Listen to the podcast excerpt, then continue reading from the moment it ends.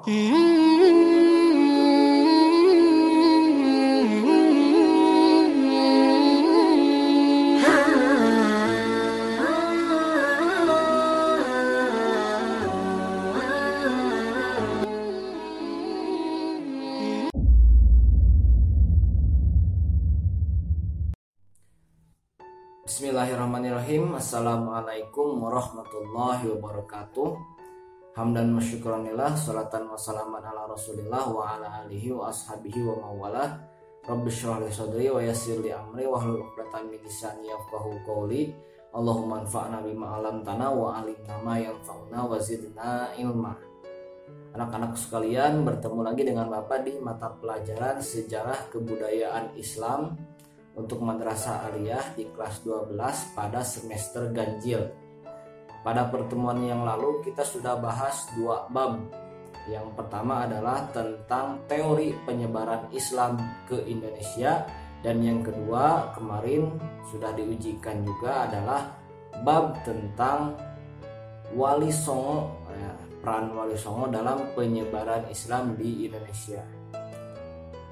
Pembahasan tentang penyebaran Islam di Indonesia tidak bisa dilepaskan dari satu hal ini, yakni adalah peran kerajaan-kerajaan Islam di Indonesia. Karena dalam aspek politik ternyata kerajaan Islam ini sangat berpengaruh terhadap penyebaran Islam di Indonesia. Kita akan bahas kerajaan-kerajaan Islam ini per wilayah agar mudah untuk dipetakan kita akan bahas per wilayah untuk yang pertama kita akan membahas di Pulau Sumatera. Jadi kita akan bahas kerajaan-kerajaan Islam di Pulau Sumatera. Ada empat kerajaan yang kita bahas meskipun banyak sebenarnya ya. Lebih dari empat tapi Eh, karena berhubung waktu terbatas, nah kita akan bahas empat yang penting menurut Bapak untuk kalian ketahui. Yang pertama ada kerajaan Islam Perlak. Nah, nanti Bapak bahas juga bagaimana sebenarnya Perlak ini lahir dan kenapa tidak disebut sebagai kerajaan Islam pertama padahal lahirnya lebih dulu daripada Samudra Pasai. Dan yang kedua tentu adalah Samudra Pasai. Ini sering sekali dibahas di pelajaran sejarah bahwa kerajaan Islam pertama adalah Samudra Pasai. Dan yang ketiga adalah kerajaan Aceh Darussalam. Nah, kerajaan Aceh Darussalam ini berkembang pada abad 16 sampai menjelang kemerdekaan. Cukup lama Kemudian ada kerajaan Islam Malaka.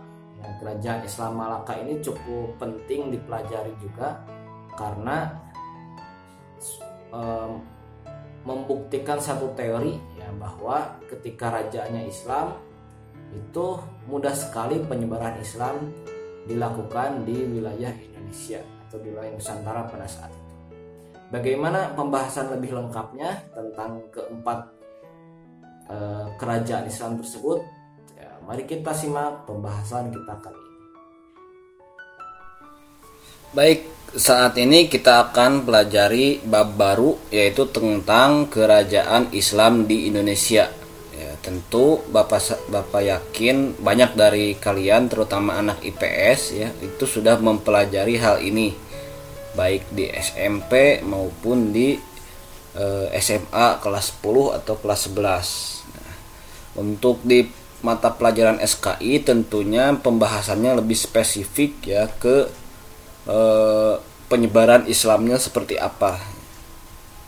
E, karena e, tentu ini berkaitan dengan e, sejarah bagaimana Islam itu bisa sampai di Indonesia.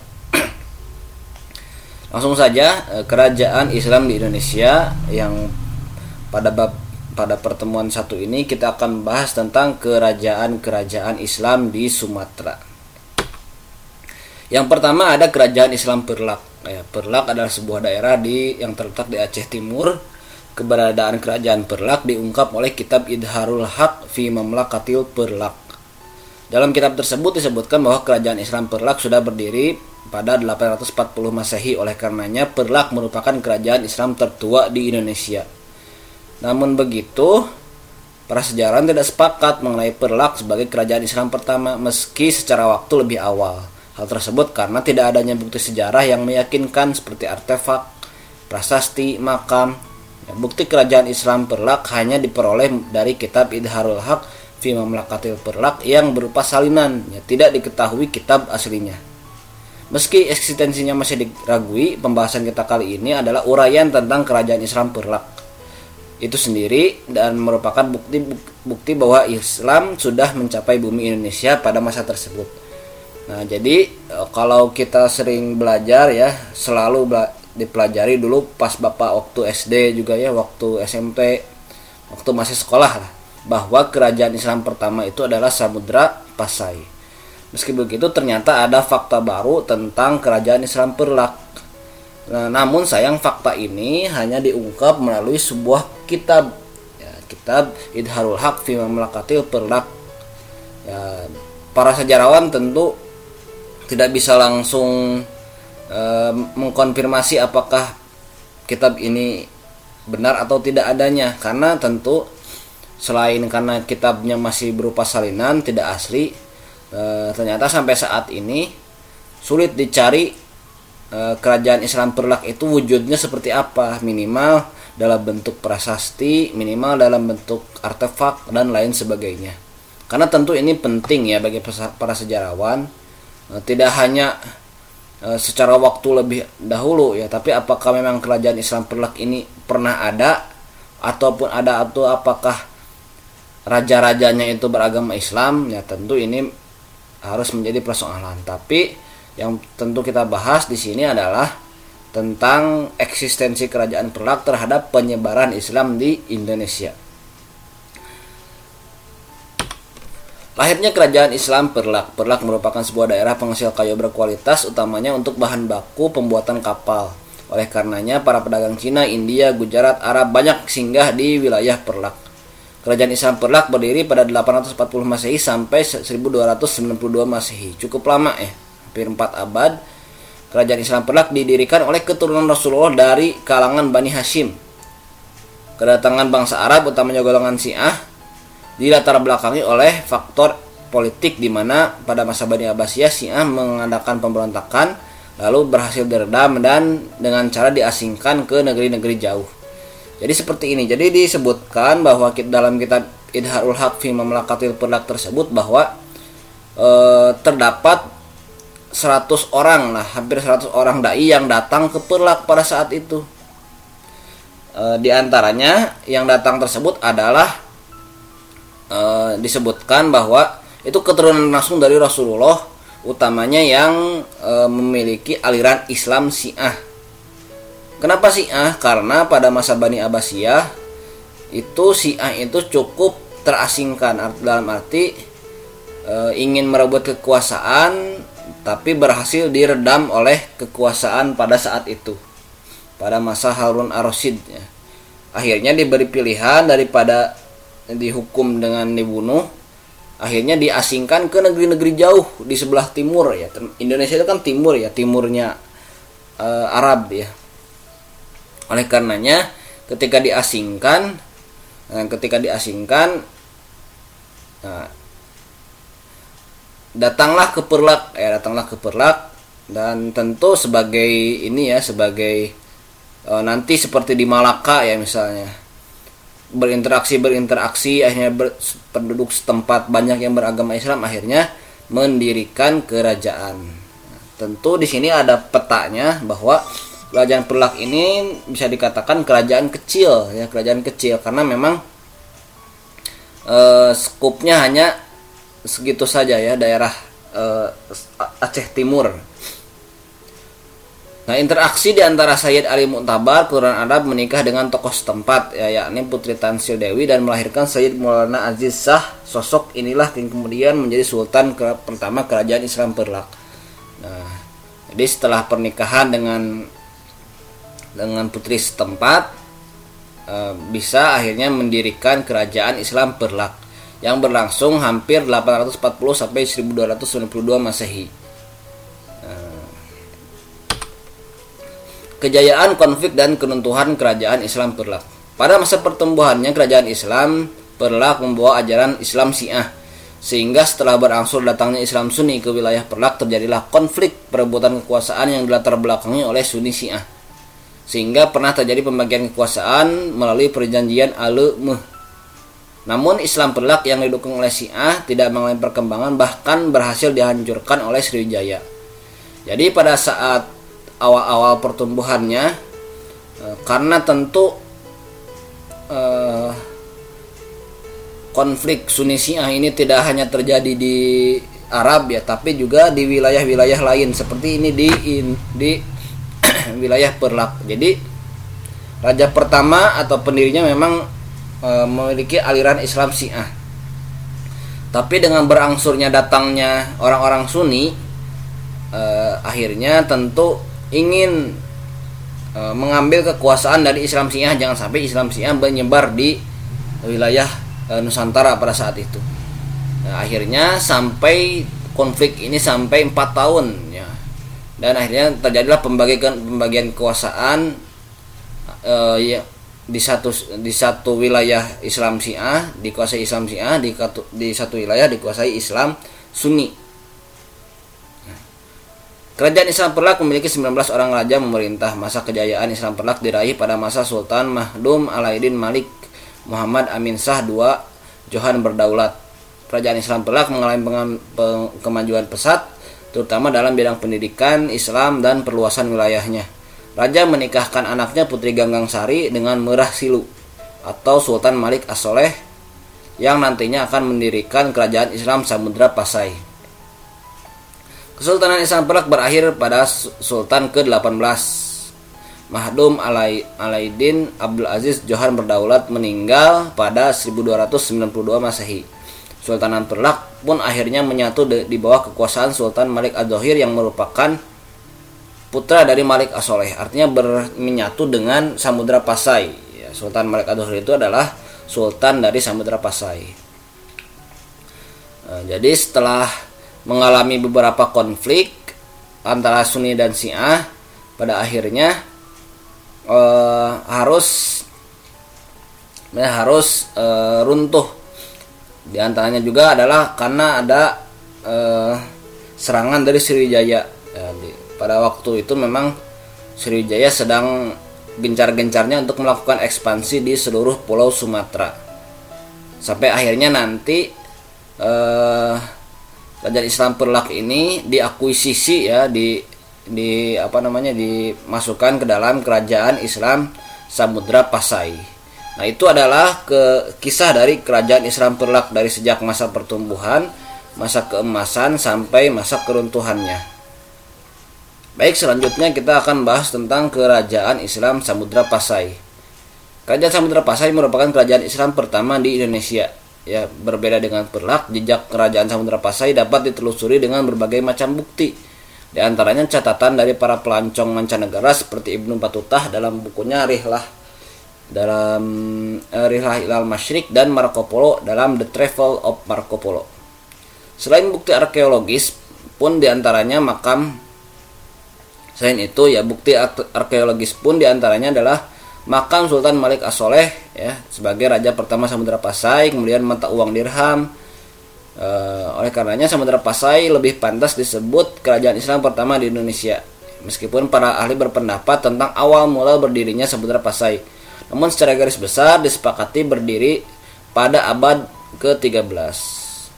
Jadi kenapa memang muncul Samudra Pasai sebagai kerajaan Islam pertama? Karena memang kerajaan Samudra Pasai ini lebih meyakinkan, lebih meyakinkan dalam arti dari catatan-catatan para pelancong mancanegara ya seperti uh, Marco Polo, kemudian Ibnu Batuta, ada juga nanti Tomo Pires ya dalam Suma Oriental.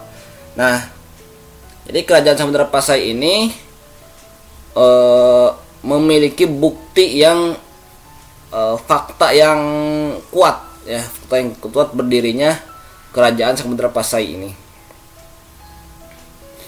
Meskipun para sejarawan berbeda pendapat ya kapan berdirinya Samudra Pasai ya tentu e, bisa jadi pada pertengahan abad ke-15 utamanya setelah e, Islam perlak mengalami masa keruntuhan ya masa keruntuhan pada tahun 1290 1200 tadi ya 292 tadi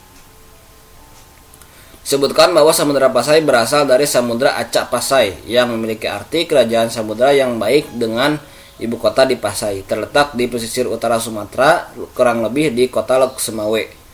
Jadi memang uh, Samudra Pasai ini sangat di utara sekali ya di ujung Indonesia ya, di atas sekarang di Lok Semawe. Ibnu Batuta menggambarkan Samudra Pasai sebagai sebuah negeri yang hijau dengan kota pelabuhannya yang sangat besar dan indah. Marco Polo menyebutkan pada persinggahannya di tahun 1292 sudah terdapat sebuah kerajaan Islam bernama Samudra Pasai. Temo Pires pernah menetap di Malaka 1512 sampai 1515 menyebutkan bahwa Pasai adalah kota terpenting untuk seluruh Sumatera pada zamannya. Lanjut. Dinamika Samudra Pasai disebutkan bahwa kerajaan Islam Samudra Pasai merupakan hasil penaklukan Nazimuddin Al-Kamil, seorang utusan dinasti Fatimiyah di Mesir. Hal tersebut tidak terbelakangi oleh dinasti Fatimiyah yang ingin menguasai perdagangan di Selat Malaka. Dinasti Fatimiyah adalah dinasti Islam beraliran Syiah. Oleh karenanya disebutkan pada awal mula Merah Silu atau Sultan Malik Asoleh yang menjadi Raja Samudra Pasai pun menganut aliran Islam Syiah. Namun dinasti Fatimiyah mampu ditaklukkan oleh Salahuddin Al-Ayubi yang beraliran Sunni bermazhab Syafi'i. Oleh karenanya terdapat utusan Syekh Ismail dan Fakir Muhammad yang membujuk Merah Silu agar beralih menganut Islam aliran Sunni. Malik Asaleh menerima hal tersebut dan mengamalkan Islam Sunni bermadhab Syafi'i. Jadi pada awalnya disebutkan bahwa Samudra Pasai ini merupakan hasil penaklukan dari e, orang-orang uh, Islam dari dinasti Fatimiyah di Mesir. Jadi dulu pada masa dinasti Abbasiyah terakhir ya menjelang menjelang ini setelah perang salib ya, setelah perang salib Nah itu memang Selat Malaka ini termasuk daerah yang ingin ditaklukkan juga, ingin banyak ditaklukkan oleh negeri-negeri lain. Maka e, datanglah ke Indonesia dan akhirnya mendirikan e, awal mula ya, awal mula nanti yang menjadi cikal bakal dari Samudra Pasai. Maka tidak mengherankan karena dinasti Fatimiyah itu Islam Syiah, maka Merah Silu atau Sultan Malik Asoleh itu pada awalnya e, berarilan Islam Syiah juga. Meskipun setelah nanti dinasti Fatimiyah ditaklukkan oleh Salahuddin Al-Ayyubi akhirnya di, dibujuk untuk masuk e, sun, aliran Islam Sunni ya, utamanya bermadhab Syafi'i. Sultan Malikus As-Saleh wafat digantikan oleh anaknya Sultan Malikud Zahir. Pada masanya kerajaan Samudra Pasai berkembang pesat dan mengalami masa kejayaan. Menurut Ibnu Battuta, Sultan Malik Az-Zahir merupakan raja yang sangat tertarik ilmu pengetahuan dan sempat menjadikan istana sebagai pusat studi Islam antara para ulama dan elit istana. Ibnu Battuta menyebut bahwa Malik Az-Zahir merupakan salah satu dari tujuh negara tujuh negara di tujuh e, kepala negara ya bukan tujuh negara ya. jadi tujuh e,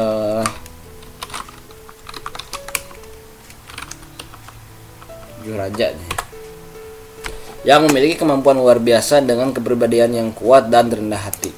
Jadi testimoni dari Ibnu Batutah pun ada.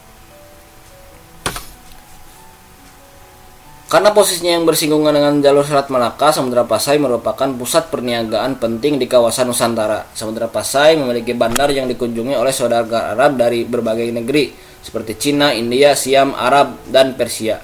Pada kurun abad 13 sampai 16 pun Pasai merupakan wilayah penghasil rempah-rempah terkemuka di dunia seperti lada.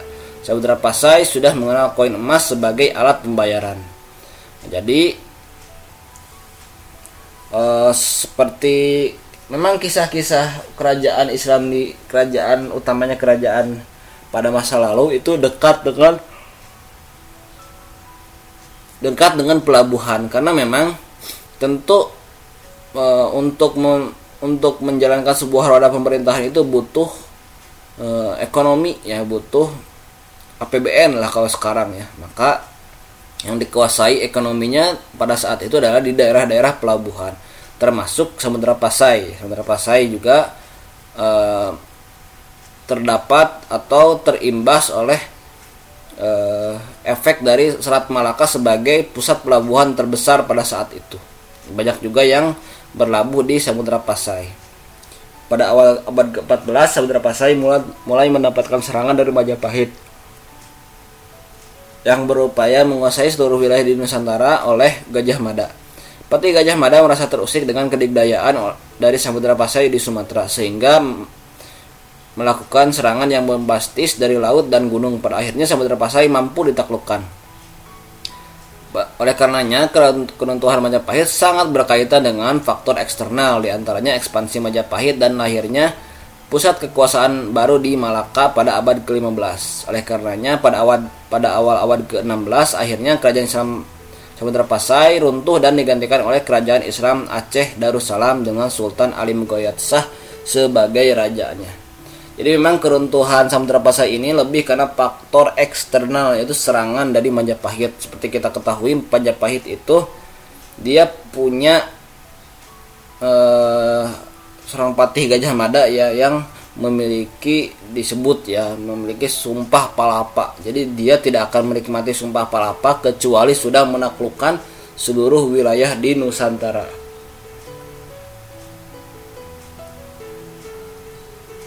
seluruh wilayah di Nusantara termasuk wilayah Samudra Pasai pada waktu itu.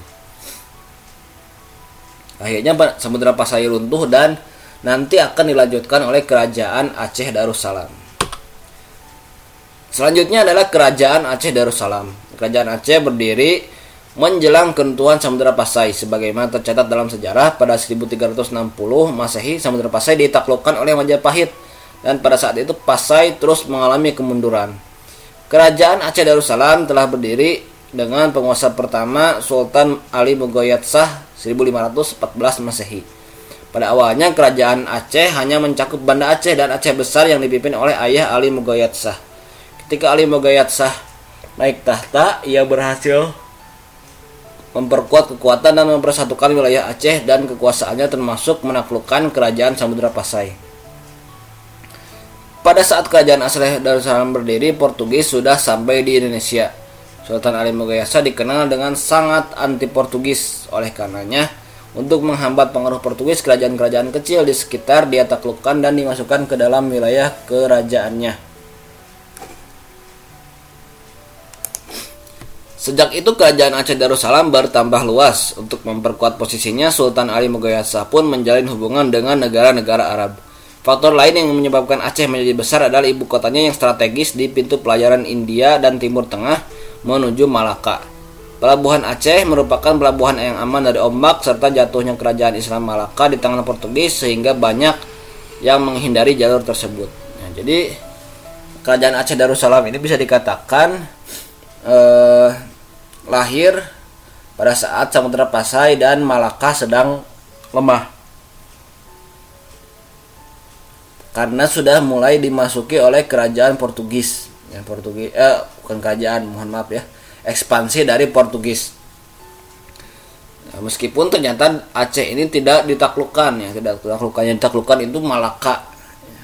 karena Malaka ditaklukkan Samudra Pasai runtuh akhirnya ini menjadi rahmat tersendiri ya menjadi keuntungan tersendiri bagi kerajaan Aceh Darussalam yang dipimpin oleh Ali Mugoyat Shah Masa kejayaan dan dinamika kehidupan kerajaan Islam Aceh. Kesultanan Aceh mengalami masa ekspansi dan pengaruh terluas pada masa Sultan Iskandar Muda dan Sultan Muketa Alam yang diangkat dengan mufakat yang sesuai dengan hukum adat yang berlaku pada saat itu. Pada masa kepemimpinannya, kerajaan Aceh bahkan bisa menaklukkan Pahang eh, yang merupakan sumber timah utama. Jadi Pahang itu kan di daerah Malaysia sekarang ya. Nah, itu bisa ditaklukkan oleh e, kerajaan Islam Aceh. Selama 29 tahun masa pemerintahan Sultan Iskandar Muda, ia telah berhasil menekan perdagangan orang-orang Eropa dan menerobos jalur perdagangan Portugis dari Selat Malaka sampai ke Teluk Persia dan ia merupakan wilayah kekuasaannya sampai eh, sebagian pulau Sumatera kecuali Lampung dan Bengkulu. Jadi sangat luas memang kerajaan Islam Aceh ini ternyata eh, meskipun ya sudah Belanda ya Belanda Portugis itu sudah masuk ya. Hal ini bertambah baik pada perkembangan dan penyebaran agama Islam di Nusantara. Ya, seperti tadi Bapak bilang di awal, pembahasan kita tentang kerajaan Islam ini bagaimana tentang penyebaran Islam di Indonesia sampai kita benar-benar menikmati Islam pada saat ini. Sultan Iskandar Muda berhasil menanamkan jiwa keagamaan yang tinggi pada masyarakat Aceh sehingga pada masa pemerintahannya Aceh melahirkan banyak ulama-ulama yang mampu menyebarkan Islam khususnya di Nusantara. Ulama tersebut adalah Hamzah Fansuri, Syekh Abdul Raub Asingkili dan Nuruddin Ar-Raniri. Jadi ini uh, akan kita singgung ya tentang beberapa tokoh ini masa keruntuhan Aceh Darussalam. Ya Aceh banyak memiliki komoditas e, dan yang diperdagangkan di antaranya minyak tanah dari Delhi, belerang dari Pulau Weh, Gunung Sewah, Sulawah, kapur dari Singkil, kapur barus dan emas di pantai barat, sutra di Banda Aceh. Adapun faktor-faktor yang menyebabkan keruntuhan Aceh di antara lain adalah ketiadaan raja yang memiliki kapasitas untuk mengendalikan wilayah kerajaan Aceh Darussalam. Ini mungkin faktor eksternal ya, internal ya. Jadi uh, kurang apa namanya kurang kaderisasi ya sehingga yang melanjutkan adalah orang yang tidak mempunyai, mempunyai kapasitas banyak daerah yang mulai melepas, melepaskan diri karena tidak ada pemimpin yang dianggap mampu mempersatukan seperti Sultan Iskandar Muda jadi memang sosok yang mampu mempersatukan itu sangat dibutuhkan perdagangan Selat Malaka yang mulai mundur karena dikuasai oleh Belanda. Jadi beberapa pusat perdagangan itu mulai ditaklukkan oleh Belanda sehingga tentu pengaruh Aceh, eh, pengaruh kerajaan Aceh Darussalam itu berkurang. Kemudian terjadinya perebutan kekuasaan sehingga terjadi perpecahan di kalangan internal. Kemudian menguatnya kerajaan kekuasaan Belanda sehingga mampu mencaplok beberapa wilayah Aceh Darussalam di antaranya Minangkabau, Siak, Tapanuli, Mandailing dan lain sebagainya. Jadi uh, ini tidak bisa di, dilepaskan dari faktor internal dan faktor eksternal. Ya, faktor internalnya tadi ya antara ada konflik ya, ada kapasitas raja yang tidak mumpuni, dan ada juga faktor eksternal yaitu ekspansi dari Belanda. Selanjutnya adalah kerajaan Islam Malaka. Ya letak kerajaan Malaka berada di Pulau Sumatera berada di uh, dan Semenanjung Malaka kerajaan Islam ini memiliki ibu kota di Malaka dan Malaysia. Jadi memang uh, bisa dikatakan untuk Malaka ini dikisahkan oleh dua negara ya. Maka kita disebut dengan Malaysia itu negara serumpun karena memang bisa dikatakan beberapa kerajaan Islam di Sumatera itu banyak memiliki kekuasaan Islam di Malaysia begitupun nanti Johor ya Johor itu punya kekuasaan Islam di e, daerah Sumatera pada masa kejayaannya Malaka memiliki kontrol atas semenanjung tanah Melayu ya petani Ligor Kelantan Trenggano dan sebagainya. Daerah Kepulauan Riau, pesisir timur utara, Sumatera bagian tengah, Brunei dan Sarawak,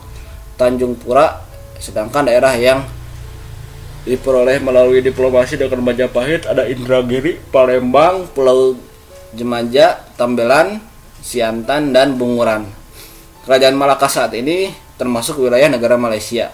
Namun Malaka memainkan peran penting dalam pertumbuhan Islam di Indonesia. Jadi kenapa kita bahas meskipun Eh, secara faktual itu ibu kotanya ada di Malaysia karena memang peran penting dalam uh, perkembangan Islam di Indonesia.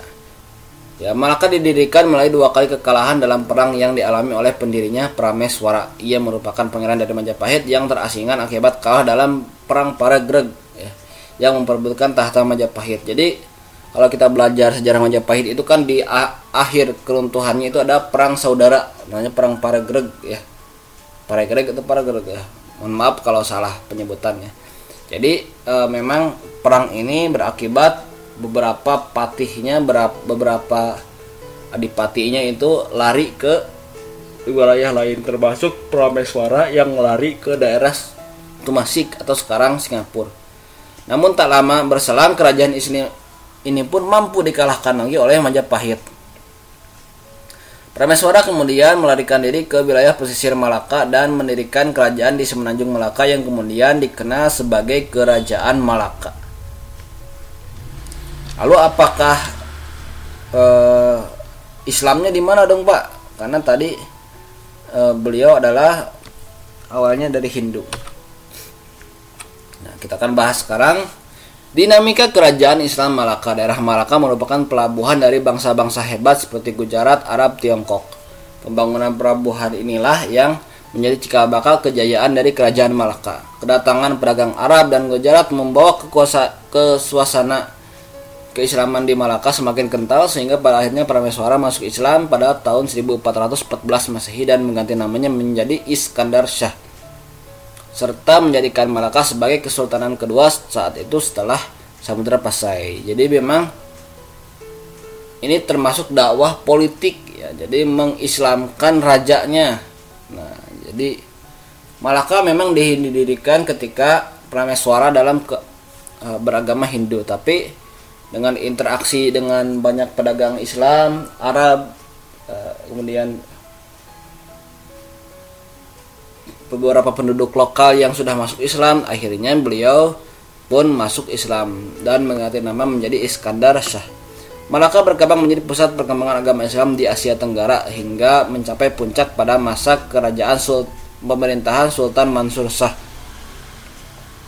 Kebesaran Malaka ini berjalan seiring dengan perkembangan agama Islam. Negara-negara yang berada di taklukan Malaka banyak yang memeluk agama Islam. Untuk mempercepat penyebaran Islam, banyak pula dilakukan perkawinan antar keluarga.